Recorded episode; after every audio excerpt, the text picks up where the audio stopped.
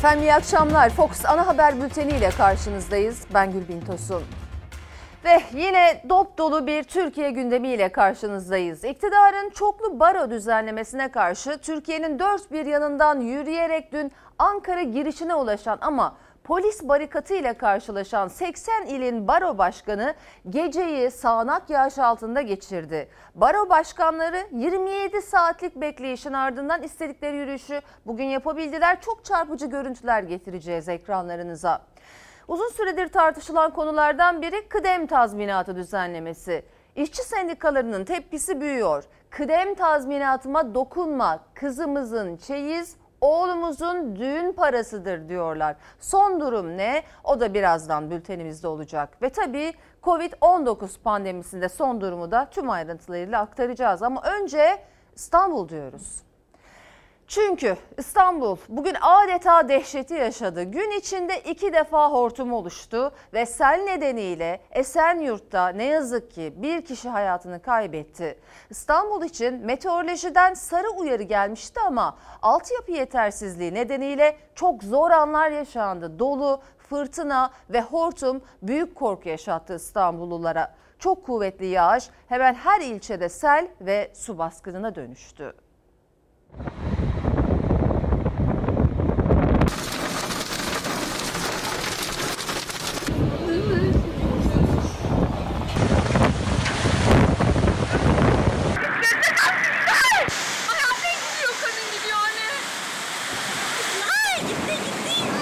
Kuvvetli yağış, dolu, fırtına, hortum saatlerce değil her ilçeye en fazla 20 dakika uğradı. Ancak İstanbul'u vurup geçmeye yetti. Meteoroloji sarı uyarı vermişti ama İstanbul'da alarmın rengi kırmızıydı. En çok zarar gören ilçede Esenyurt'ta sel can aldı. Maalesef 30-32 yaşlarında bir Suriyeli misafirimiz e, vefat etti. Bastıran şiddetli yağmur hem Anadolu yakasını hem Avrupa yakasını kısa sürede etkisi altına aldı. Kısa sürede araçların silecekleri dahi yetişmemeye başladı.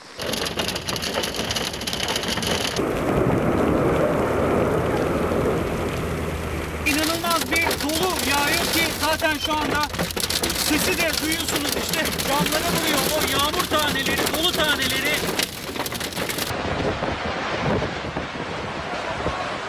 Üsküdar, Beşiktaş, Sultan Gazi hemen her noktada göz gözü görmedi. Rogarlar taştı, alt geçitler suyla doldu.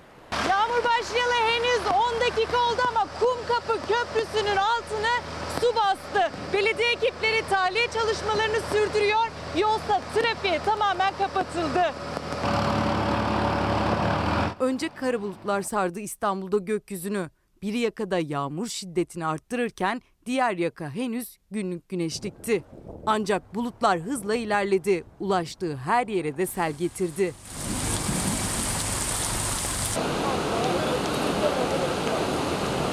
Araçlar yağmurun şiddetinden kaçabilmek için benzin istasyonlarına sığındı. Bulabildikleri aslında doludan korunabilecekleri yerlerde şu anda araçlarını bekletiyorlar. Kimi kapalı bir alan aradı, kimi de aracını doludan korumak için üstüne serecek bir karton ya da halı. Ancak hazırlıklar yetersiz kaldı. Kuvvetli yağış ve fırtına önüne kattığını sürükledi.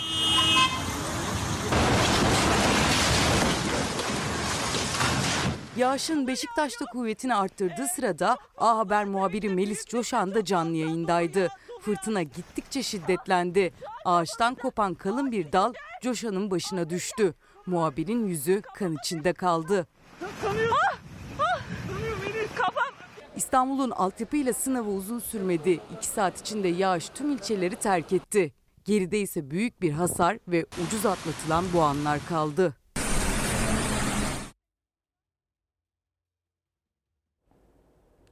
Meslektaşımıza geçmiş olsun dileklerimizi iletiyoruz ve devam edelim. Sayın seyirciler yağış kısa sürdü ama özellikle Esenyurt'ta yaşayanlar selin etkilerini daha çok hissetti.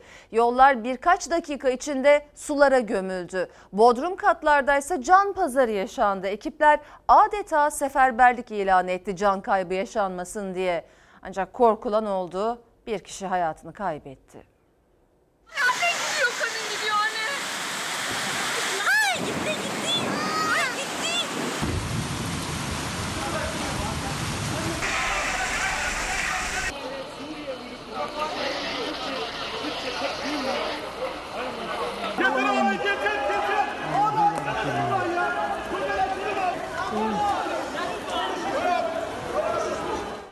Yaşam arasındaki o ince çizginin adresi İstanbul Esenyurt'tu. Sel önüne ne kattıysa sürükledi. Bir kadın suya kapılıp giderken mahalleli yetişti yardımına. Ama en çok bodrum katlarda yaşayanlar ölümle burun burunaydı. Yağış kısa sürdü ama onlar saatlerce kurtarılmayı bekledi. Bir çocuk, bir çocuk daha, ardından annesi el birliğiyle büyük çabayla boğulmaktan son anda kurtuldu.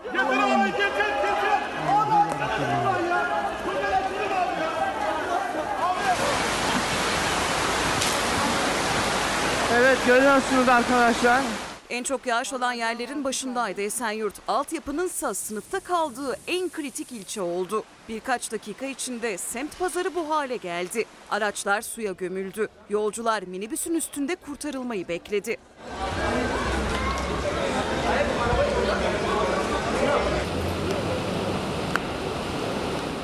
Taşan Kıraç Deresi ise Pınar Mahallesi'ne esir aldı. Her bir sokak suyu şiddetle akan birer dere gibiydi.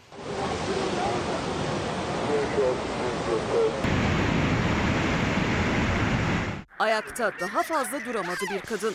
Suya kapılıp metrelerce sürüklendi. Ay gitti gitti. Ay gitti. Tuttular. Ay tuttular mı? Tutamıyorlar. Gidecek yer bulamadıkça yükseldi. Bodrum katları su basmasın diye mahalleli seferber oldu ama selin önünde durabilmek mümkün değildi.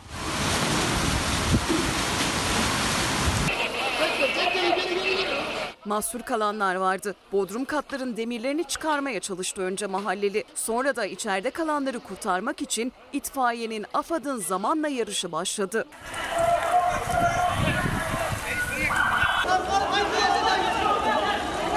Bodrum katta mahsur kalanlar arasında çocuklar da vardı. Yardıma yüzerek gidenler oldu. Birbiri ardına çıkarıldı çocuklar. İlk müdahale de o anda yapıldı en küçüklerine. Çocuğu kurtaran mahalleli sırtına birkaç kez vurdu. İstanbul Valiliği kurtarılanların 2, 3 ve 5 yaşlarında 3 Suriyeli çocuk olduğunu açıkladı. 30 yaşlarındaki bir genç ise kurtarılamadı. Vali Ali Yerlikaya facianın yaşandığı o sokaktaydı. Geç de olsa tedbir alınacağını söyledi. Aynı sokakta geçmişte de buna benzer su baskınları olduğunu söyleyen buradaki komşularımız, hemşehrilerimizle konuştuk. Eğimi görüyorsunuz. Konut olarak kullanılmasına müsaade etmeyeceğiz. Esenyurt'ta fırtına nedeniyle de zor anlar yaşandı. Tıp merkezinin çatısı uçtu. Altı araç hasar gördü. Kopan levhalar nedeniyle can kaybı yaşanmaması sadece şanstı.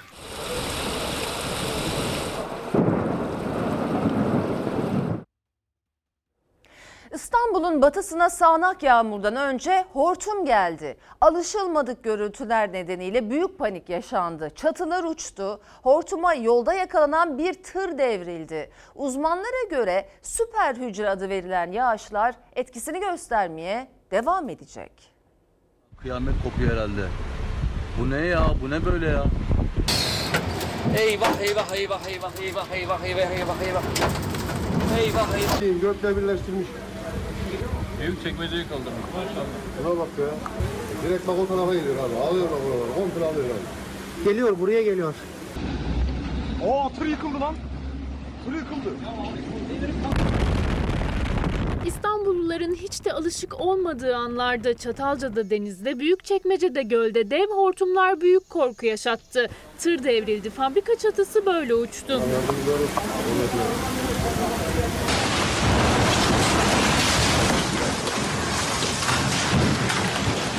Şey yok abi ya. Bu ne ya? Vallahi ben bir an önce buradan gideyim valla beni de alır götürür bu. Fırtına çıktı başka bir şey görmedik zaten. Bütün her şey yerle bir oldu. Bilmiyorum gerisi yok. Çok felaketti. Kuvvetli yağış önce İstanbul'un Anadolu yakasında başladı. Yavaş yavaş kara bulutlar batıya doğru ilerledi. Yağmurdan hemen önce ise işte bu anlar kaydedildi. O hortumun başlama anı gölün üzerinde başladı. İnce oldu ondan sonra kalınlaştı. Birdenbire geldi işte. Başladı her yer yıkılmaya. Biz de bıraktık çıktık buraya. Üst çatılar yıkıldı.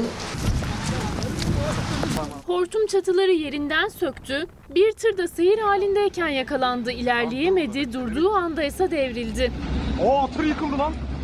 Tır yıkıldı. Eyvah eyvah eyvah eyvah eyvah eyvah eyvah eyvah eyvah. Bir başka araç da yine seyir halinde yakalandı. Birkaç saniye içinde kilometrelerce ötedeki hortum yanı başına geldi araçtakilerin. Eyvah eyvah eyvah eyvah eyvah eyvah eyvah eyvah eyvah. Eyvah eyvah.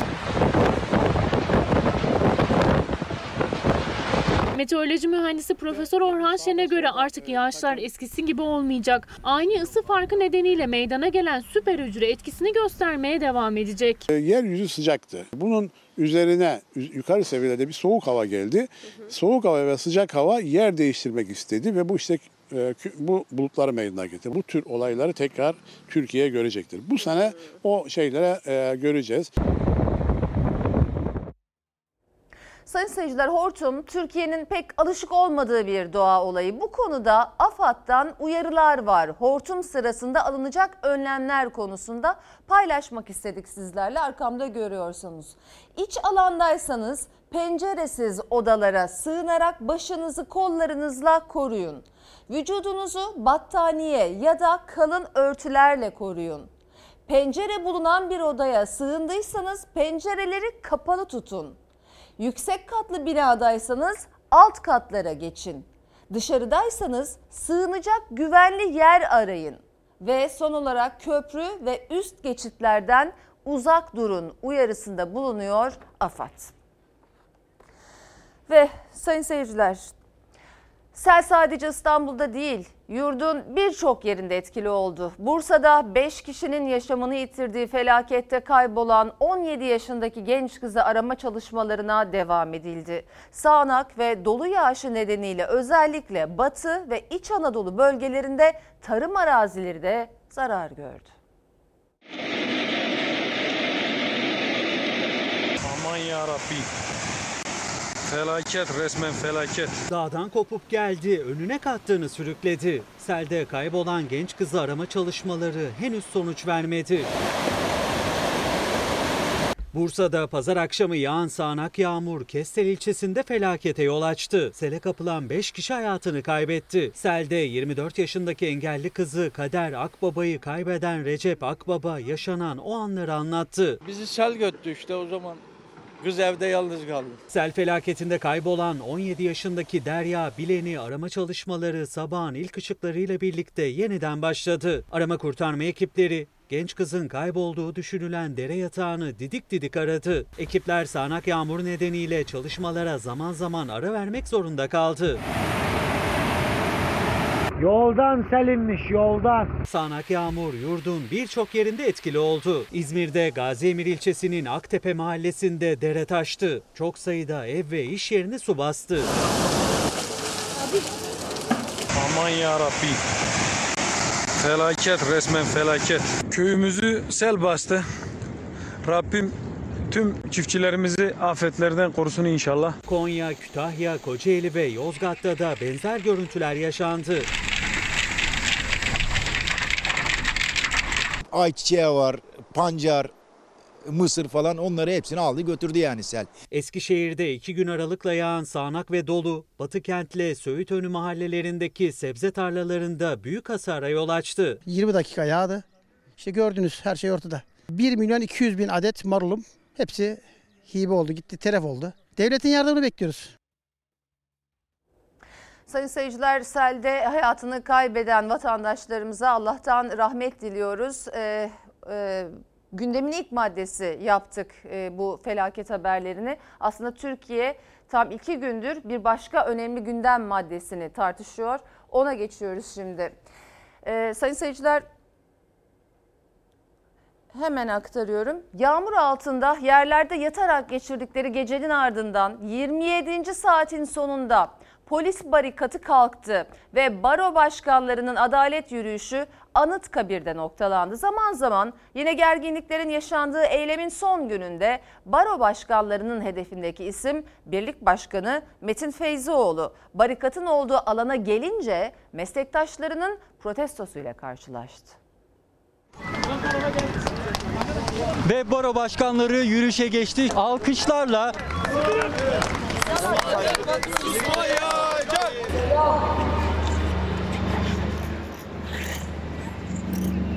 Savunma kazandı. 27. saatte barikatlar kalktı, polis yol açtı. Baro başkanları temsili yürüyüşlerini yapıp Anıtkabir'e çıktı.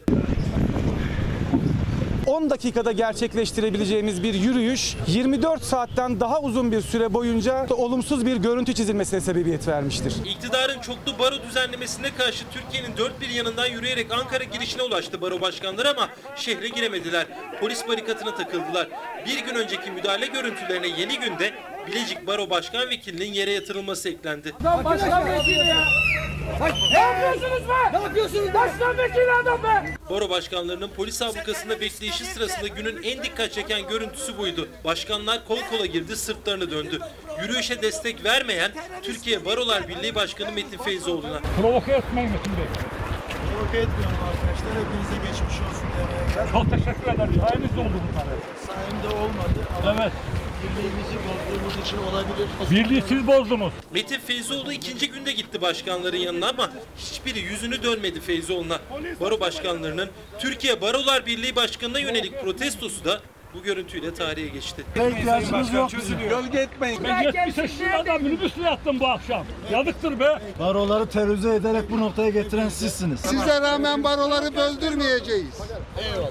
Biz baroları iyi istemiyoruz. Savunma susmadı, susmayacak. Baro başkanlarının hedefinde olan Türkiye Barolar Birliği Başkanı Metin Feyzoğlu baro başkanlarını ziyaret etti ama gelen tepkiler üzerine şu anda bölgeden ayrılıyor. Feyzoğlu'na sırtını dönen baro başkanları İyi Parti Genel Başkanı Meral Akşener'i aracının kapısında karşıladılar. Ankara Büyükşehir Belediye Başkanı Mansur Yavaş'ı da alkışlarla. Bizi PKK'yla daha zaten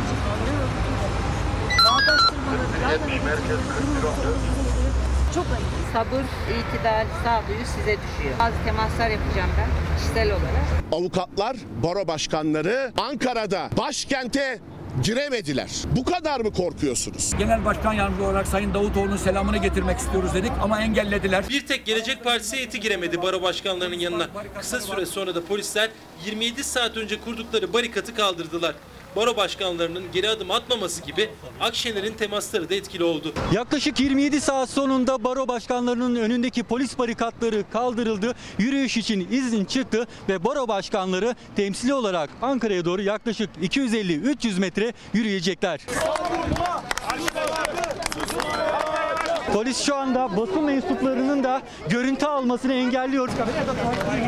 Baro başkanları polislerin eşliğinde bir gün önce istedikleri yürüyüşü ikinci günde yapabildiler. Anıtkabir'e de gittiler. Çoklu baro sistemine karşı başlattıkları eylemi tamamladılar. Ancak başkent girişinde yaşananlarla ilgili suç duyurusunda bulunacaklar. Gözaltı süreci yaşatıldı. Tabii ki bu hukuksuzluğa, bu kanun tanımazlığa karşı suç duyurusunda bulunacağız ve sonuna kadar takipçisi olacağız.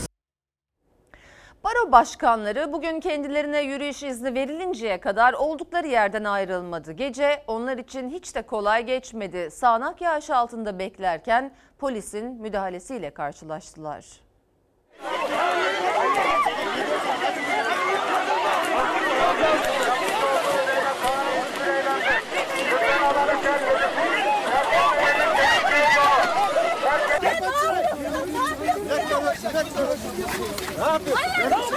Gece de polisin sert müdahalesini kaydetti kameralar. Yağmur altında bekleyen baro başkanlarına desteğe giden avukatlara polis müdahale etti. O anları kaydeden gazetecilere de. Baro başkanları geceyi polis barikatında yerlerde yatarak geçirdi. İlk gün Ankara'ya girişlerine izin verilmeyen baro başkanları havanın da kararmasıyla Ankara'da başlayan sağanak yağışın altında seslerini duyurmaya çalıştılar. Dışarı çıkmaya izin vermiyorlar. Burada fiilen gözaltı uygulanıyor. Baro başkanlarının yağmur altında daha fazla ıslanmamaları için aynı zamanda avukat da olan Ankara Büyükşehir Belediye Başkanı Mansur Yavaş yağmurluk gönderdi ve sıcak çorba. Ancak başkanların beklediği alana çadır tente kurulmasına izin vermedi polis. Desteğe gelen avukatların baro başkanları ile buluşmasına da.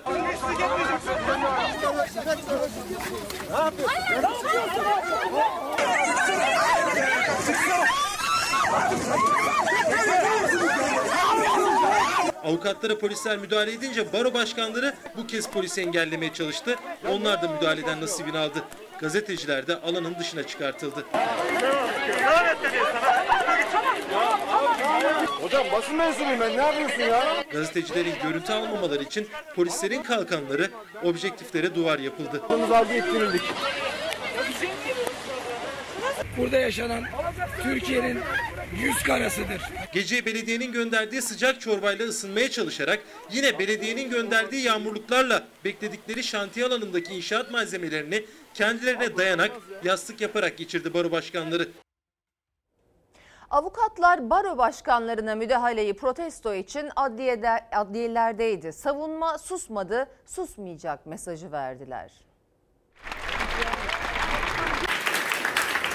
Hem baro başkanlarının yürüyüşünün engellenmesine hem de o yürüyüşün gerekçesine tepkiliydi avukatlar. Avukatlık kanununda ve baroların seçim sisteminde yapılması planlanan değişikliği avukatlar da adliyelerde ses yükseltti. Onlarca avukat Çağlayan'daki İstanbul Adliyesi'nin içinde buluştu. Sayıları gittikçe arttı. Slogan atarak dışarıya çıktılar. Eylemleri adliye önünde de sürdü. Baro başkanlarına destek amacıyla toplandı. İstanbul Adliyesi önünde avukatlar yoğun polis önlemi altında adliyenin hemen önünde basın açıklaması yapıp yaşananları protesto ediyorlar. Ankara Adliyesi'nde de benzer görüntüler vardı. Ankara Barosu'na üye avukatlar adliye içinde alkışlarla ve sloganlarla yürüdü.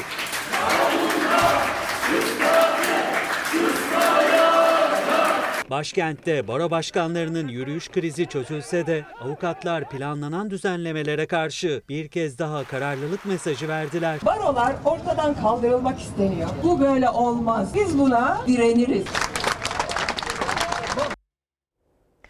Baro başkanlarının Ankara'ya girişine izin verilmemesi ve eylemin gerekçesi olan çoklu baro düzenlemesi siyasetinde ilk gündem maddesiydi. Demokrasi bizim için önemli değildir demiş oldu iktidar. İnsan hakları bizim için önemli değildir demiş oldu iktidar. Savunma hakkı bizim için önemli değildir demiş oldu iktidar. Bu yürüyüşün hangi şartlar altında nasıl yapılacağı, kanunla düzenleneceğini, düzenleneceğini 34. maddenin son fıkra, son fıkrası zaten söylüyor. 27 saat savunma mesleğini bir başkentin girişinde bekletmek 81 milyona senin iradeni saymıyorum demektir. Baro başkanlarının yürüyüşlerinin 27 saat engellenmesi Meclis Genel Kurulu'nda da ilk gündem maddesiydi. Muhalefet liderlerinin grup konuşmalarında da. Yapılan kasıtlı provokasyona rağmen demokrasi çizgisinden ayrılmayan baro başkanlarımıza ve cübbesine düğme diktirmemiş avukatlarımıza sağduyularından dolayı teşekkür ediyorum. Biz sonuna kadar fikri mücadeleye varız. Kullanılan bütün hakların da hukuka uygun bir mecrada kullanılması gerekiyor. Anayasa gayet açık. Silahsız ve saldırısız olmak kaydıyla yürüyüş herkesin hakkıdır diyor.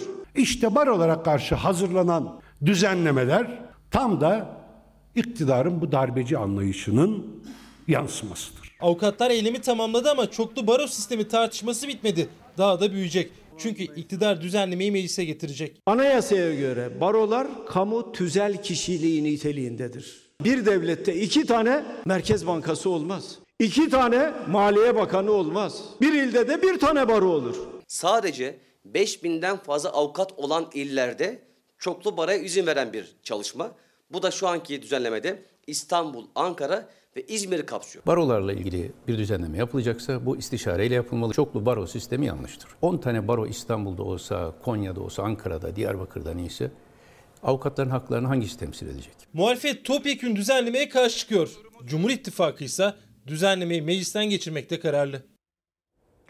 Anayasa Mahkemesi HDP eski eş genel başkanı Selahattin Demirtaş'la ilgili önemli bir karar verdi. Demirtaş'ın tutukluluk süresinin azami süreyi aştığını söyleyip hak ihlali var dedi. Bunun üzerine Demirtaş'ın avukatları tahliye için yeni bir başvuru yaptı. HDP eş genel başkanı Mithat Sancar da CHP lideri Kemal Kılıçdaroğlu da Demirtaş'ın tahliye edilmesini istedi hiç sakınmadan büyük bir pervasızlıkla Selahattin Demirtaş'ı içeride tutmaya devam ediyorlar.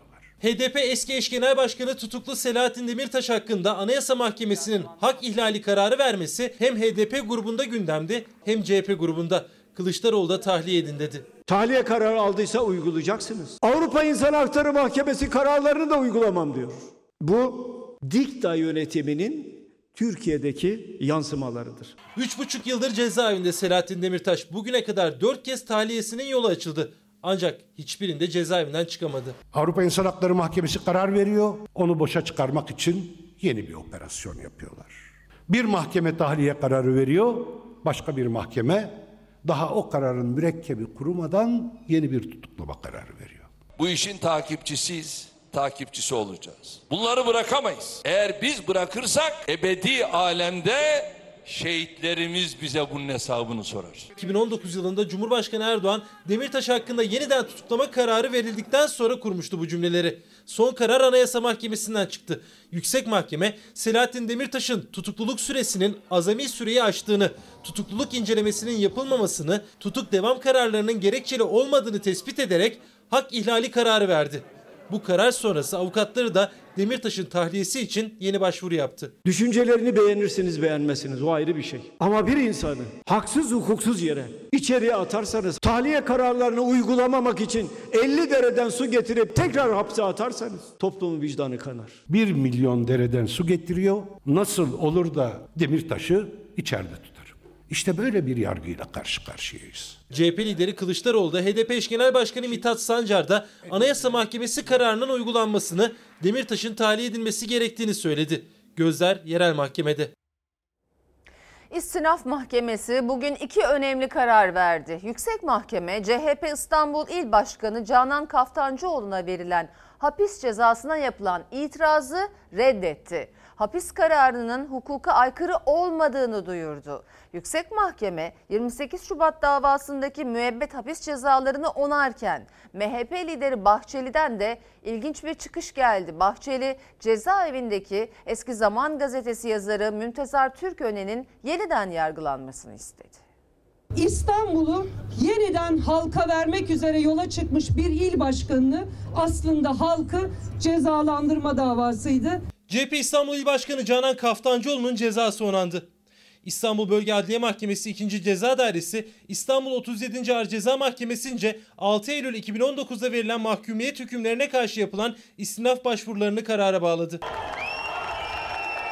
Mahkeme Canan Kaftancıoğlu hakkında sosyal medya paylaşımları nedeniyle Türkiye Cumhuriyeti Devleti'ni alenen aşağılama, Cumhurbaşkanı'na hakaret, halkı kim ve düşmanlığa alenen tahrik etmek ve terör örgütü propagandası yapmak suçlarından 9 yıl 8 ay 20 gün hapis cezasını usul ve yasaya uygun buldu. Kaftancıoğlu'na verilen hapis cezasını hukuka uygun bulan daire kararını temiz yolu açık olmak üzere oy birliğiyle aldı. Hangi gün? 23 Haziran. Geçen sene İstanbul seçimlerinin kazanılmasının yıl dönümünde.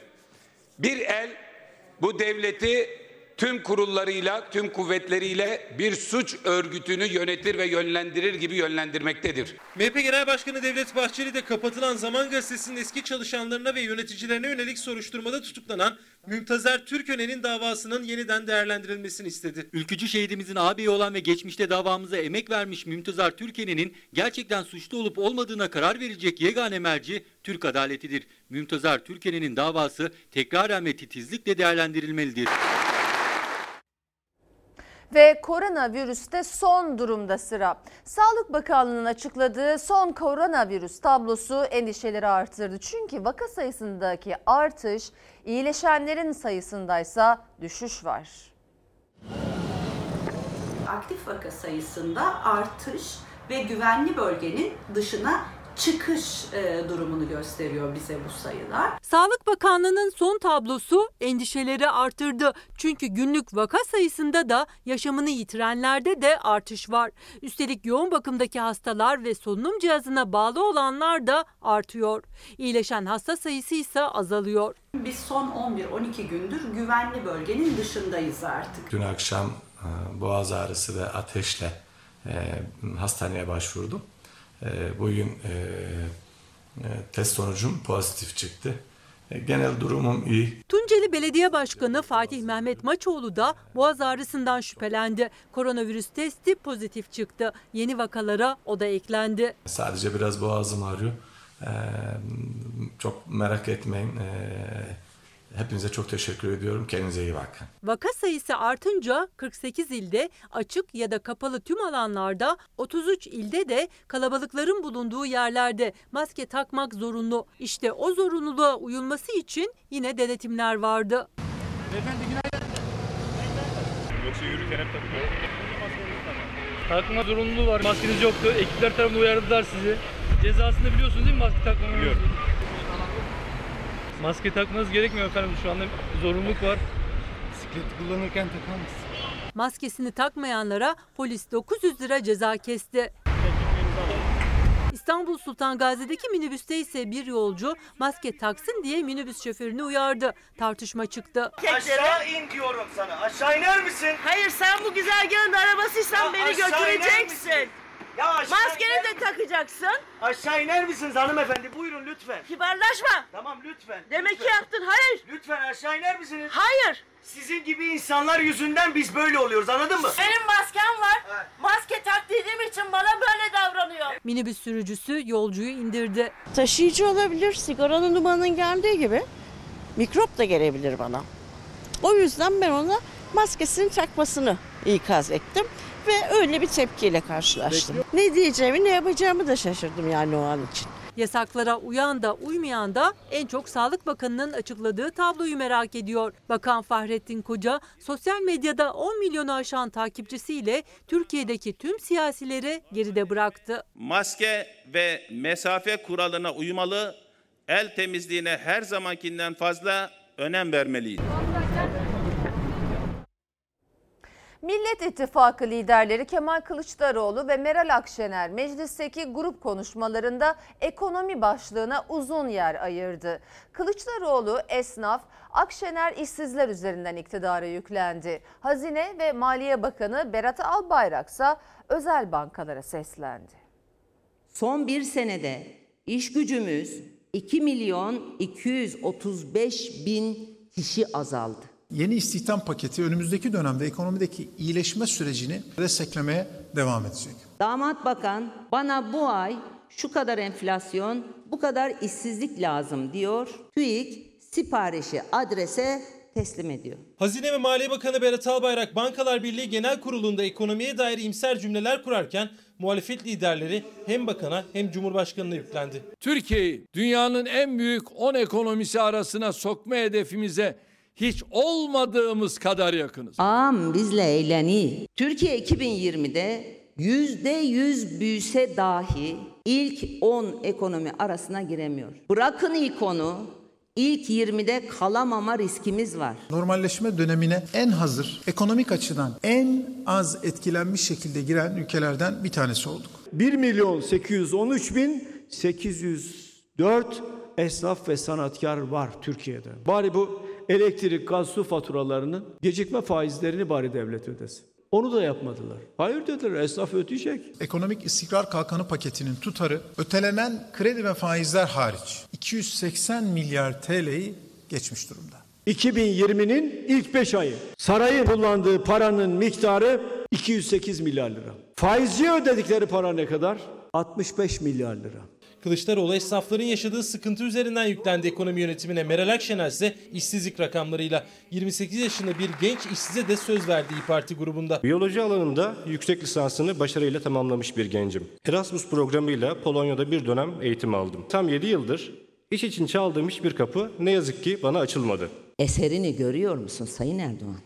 Suçlu sensin Sayın Erdoğan. Bunlar damat bakanın umurunda mı? Elbette değil. Meral Akşener'in hedefindeki Berat Albayrak da konuştu ama işsizlik rakamlarına girmedi. Özel bankalara seslendi. Sizlerden ricamız yeniden yapılandırmaları hızlandırmamız lazım. Sorunları ötelemek yerine müşterilerinizin ödeme gücüne uygun yapılandırma planları oluşturmak lazım. İşsizliğin geldiği boyutu en iyi anlatan görüntülerden bir gelecek ekrana şimdi. Ankara'da 80 zabıta alımı için daha ilk günden yüzlerce kişi başvuruda bulundu. Üstelik kuyruktakilerin çoğu 30 yaş altı üniversite mezunu genç işsizlerdi.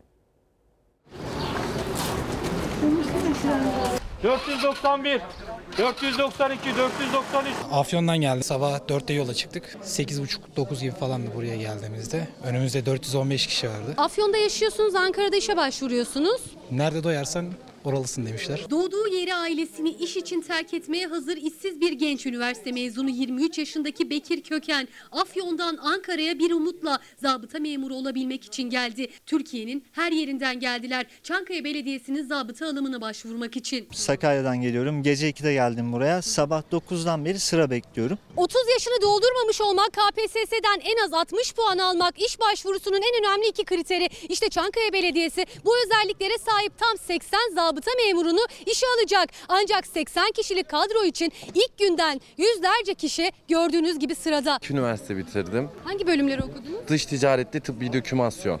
Başvurunuz? Zabıta yapacak hiçbir şey yok. Yani artık ne iş olursa yapacağız. Çoğu üniversite mezunu 30 yaş altı işsizlerin kuyruğu yani genç işsizlik kuyruğu. Yer Ankara, Çankaya Belediyesi 80 zabıta alacağını duyurdu. İş başvurusunun ilk gününde rekor kalabalık vardı. Bu görüntü sabahın ilk saatlerinde çekildi. Kuyruk var. Bekleyin alacağız. Herkes alınıyor sırayla. Burada o kadar çok insan var ki hepsi çoğu üniversite mezunu ama iş olana olmadığı için herkes internette memur alımlarını takip ediyor. Ne kadar düşürülmeye çalışsa da işsizlik oran olarak aslında gerçek işsizliğin bir fotoğrafı yani sıranın uzunluğu olsun, başvuran kişi sayısı olsun 80 kişilik bir yere bile bu kadar başvurunun olması. Ateşim biraz yüksek çıktı. İçeriye almıyorlar. Sabahtan beri sıcakta bekliyoruz. Çok normal. Hepimizin yüksek çıktı. Sözlü ve uygulamalı sınavlardan geçecek 80 kişi işe alınacak. 4500 lira maaşla işe başlayacaklar. Kavurucu sıcağın altında devlet garantili iş sahibi olmak için bekleyen gençlerin sayısı da saatler geçtikçe arttı. Şu anda saatler biri gösteriyor. Yani daha günün ilk yarısındayız ve yüzlerce insan sırada. Şu anda 300 kişi bu kuyrukta. Hatta saatler ilerledikçe sayı o kadar artıyor ki gördüğünüz gibi ikinci sırada oluşturuldu. Gün boyu da bu şekilde başvurular devam edecek. 489, 490. Yeni ön lisans mezunu oldum. Büyük bir gelecek kaygısı içinde okudum zaten üniversiteyi. Şansınız? Bu kadar yoğunluğa bakılırsa çok düşük. Çankaya Belediyesi'nin 80 zabıta alım duyurusu için ilk gün binin üzerinde iş başvurusu yapıldı. Başvurular bir hafta sürecek. 80 kadro için başvuran sayısı da binlerle ifade edilecek. Kıdem tazminatının fona devrinin önünü açan yeni düzenlemeye tepki vermeye devam ediyor sendikalar. Üstelik mesajlarını sadece sözlü olarak da vermiyorlar. Türk İşk ve Disk binalarına dev pankartlar astı. Kıdemime dokunma dedi. Tamamlayıcı emeklilik sistemi adı altında kıdem tazminatı hakkı ortadan kaldırılmaya çalıştı. Asla izin vermeyeceğiz. Yok kazanmış haklar korunacak, yok e, kamudaki işçilere dokunulmayacak şekliyle işçilerin kafası bulandırılmaya ve işçiler bölünmeye çalışılıyor.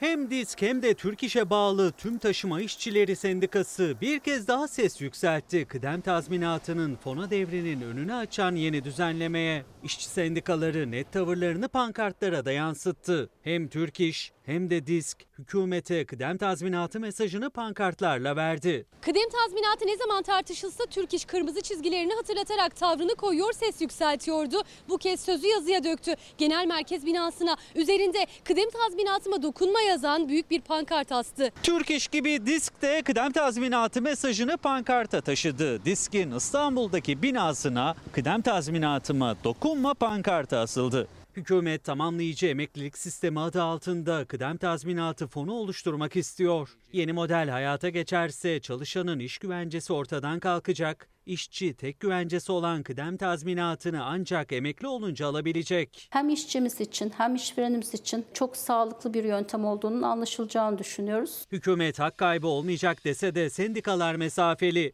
Önce Cumhurbaşkanı Erdoğan'la bir araya gelmişlerdi. Bu kez de Hazine ve Maliye Bakanı Berat Albayrak'ın Türk İş, Hak İş ve TİSK başkanlarıyla görüşmesi gündemde. Olası toplantı için DİSK'in ismi yine geçmiyor. İşçi, işveren ve hükümet taraflarının bulunduğu hukuksal, yasal mekanizmalarımız var. Ama şu- bu süreçte bunların hiçbiri işletilmeden tümüyle hukuksuz ve eşitsiz bir biçimde hükümet bazı seçilmiş sendikalarla kapalı kapılar arkasında bazı toplantılar, müzakereler gerçekleştiriyor. Siz DİSK olarak son günlerde kıdem tazminatı ile ilgili bir toplantıya davet edildiniz mi?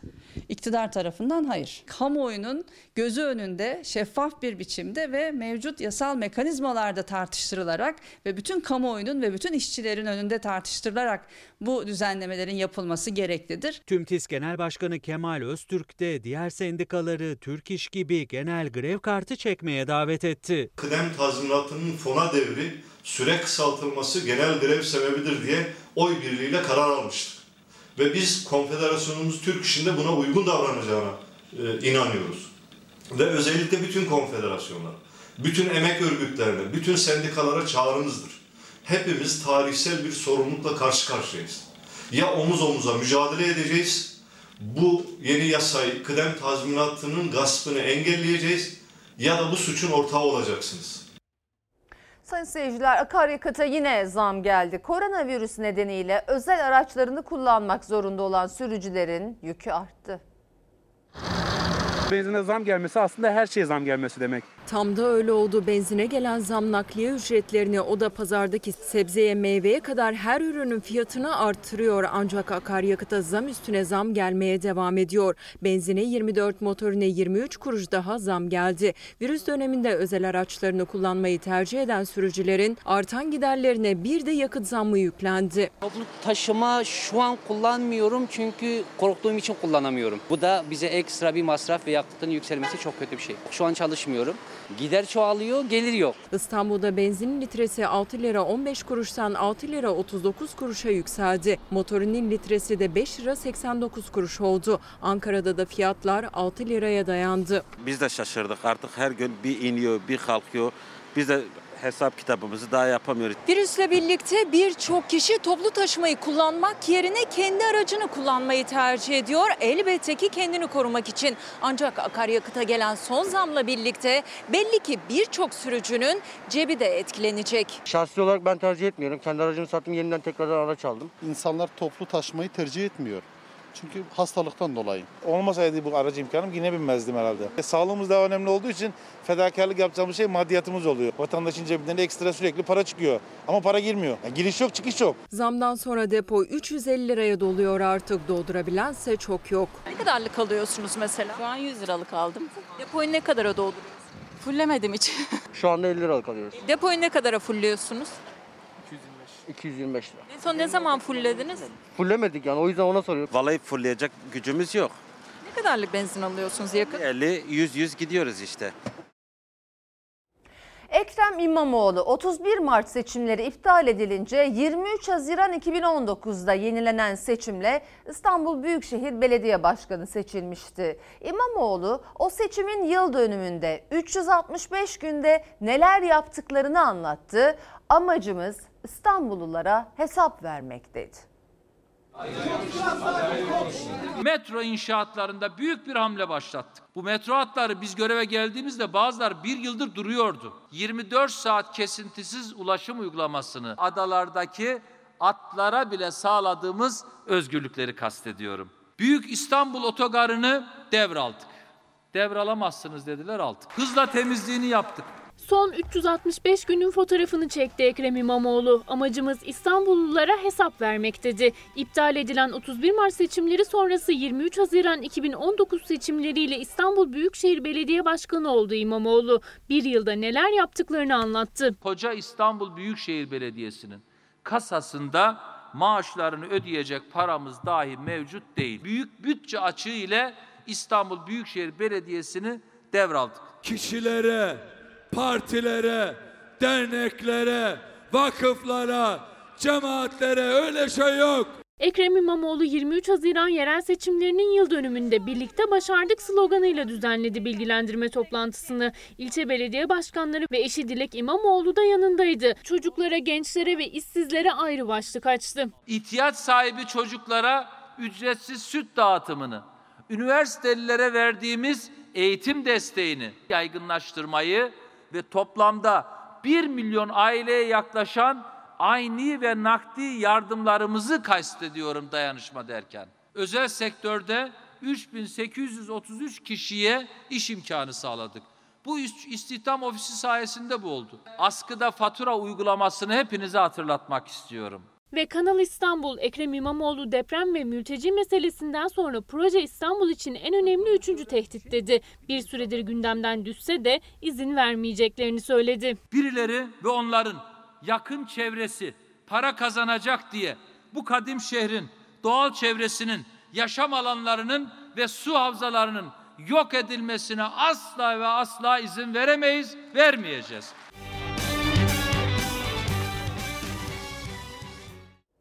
Şimdi ara zaman. Efendim yeniden merhaba. Bugüne ait koronavirüs tablosu açıklandı. Arkamda görüyorsunuz tabloyu. Hemen sizlerle paylaşalım. Bugünkü test sayısı 42.982. Bugünkü vaka sayısı 1268. Bugünkü vefat sayısı 27. Bugün iyileşen sayısı 1315. Hayatını kaybeden vatandaşlarımıza Allah'tan rahmet diliyoruz ve dünkü rakamlarla bir karşılaştırma yapalım hemen. Dün test sayımız 41.413'müş. Bugüne baktığımızda bir yükseliş var. Dün vaka sayımız 1212. Bugünkü vaka sayımız 1268 yükselme var. Üzücü bir haber. Vefat sayımız dün 24 iken bugün 27 olmuş. Bu da üzücü. Bugün iyileşen sayısı bugünün tek iyi haberi. E, dün iyileşen hasta sayısı 1293 iken bugün iyileşen hasta sayımız 1315 olmuş sayın seyirciler. Hemen Fahrettin Koca'nın Sağlık Bakanımızın mesajını da sizlerle paylaşayım kısaca. Test sayımız 3 milyonu geçti diyor. Vaka artışı görülen kentlerden Adana'da 14, Ankara'da 21, Kocaeli'nde 16 hastamız yoğun bakımda. İyileşen hasta sayımız yeni vaka sayısından fazla. Daha normal bir hayat için tedbirlere uyarak yeni vaka sayılarını azaltmalıyız diyor Doktor Fahrettin Koca. Efendim böylece Fox ana haber bülteni burada noktalıyoruz. Fox'ta yayın Sivri Akıllılar isimli Türk sineması ile devam edecek. İyi bir akşam geçirmenizi diliyoruz. Hoşçakalın. Dostuma her köşesi